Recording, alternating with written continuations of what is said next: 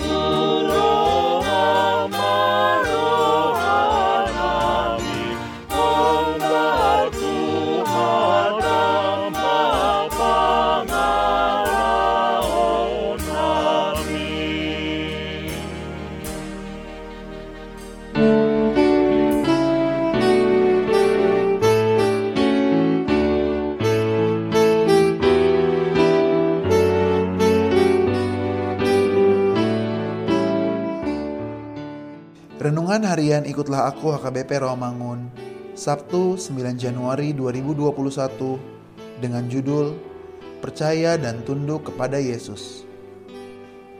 Bacaan kita pagi ini tertulis dalam 1 Raja-Raja 2 ayat 1 sampai 4 dan bacaan kita malam hari ini tertulis dalam Lukas 5 ayat 1 sampai 11. Dan kebenaran firman Tuhan yang menjadi ayat renungan kita hari ini tertulis dalam Yohanes 6 ayat 29.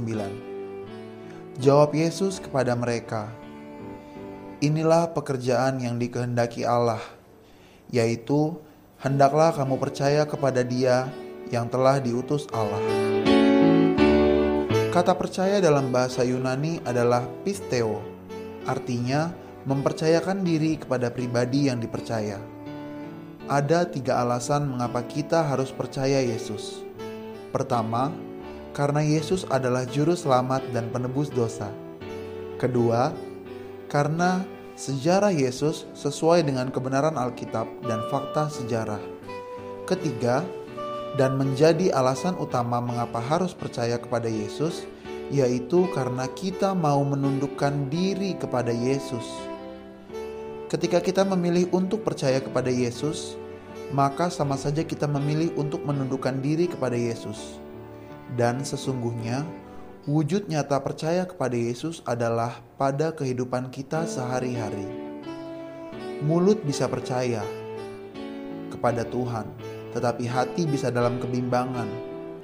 Ada saat kita menghadapi banyak pergumulan hidup, tantangan, merasa ragu, ataupun dihadapkan pada situasi-situasi yang sulit yang membuat kita gelisah.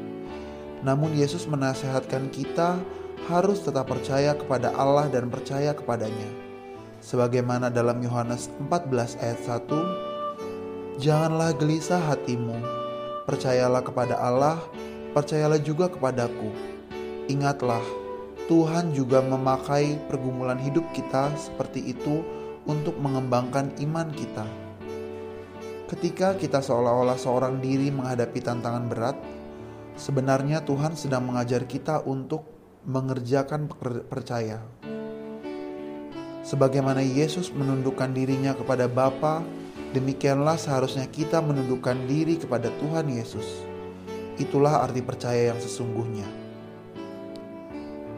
Tuhan, ajar kami untuk tunduk dan percaya kepadamu dalam situasi apa pun yang kami hadapi.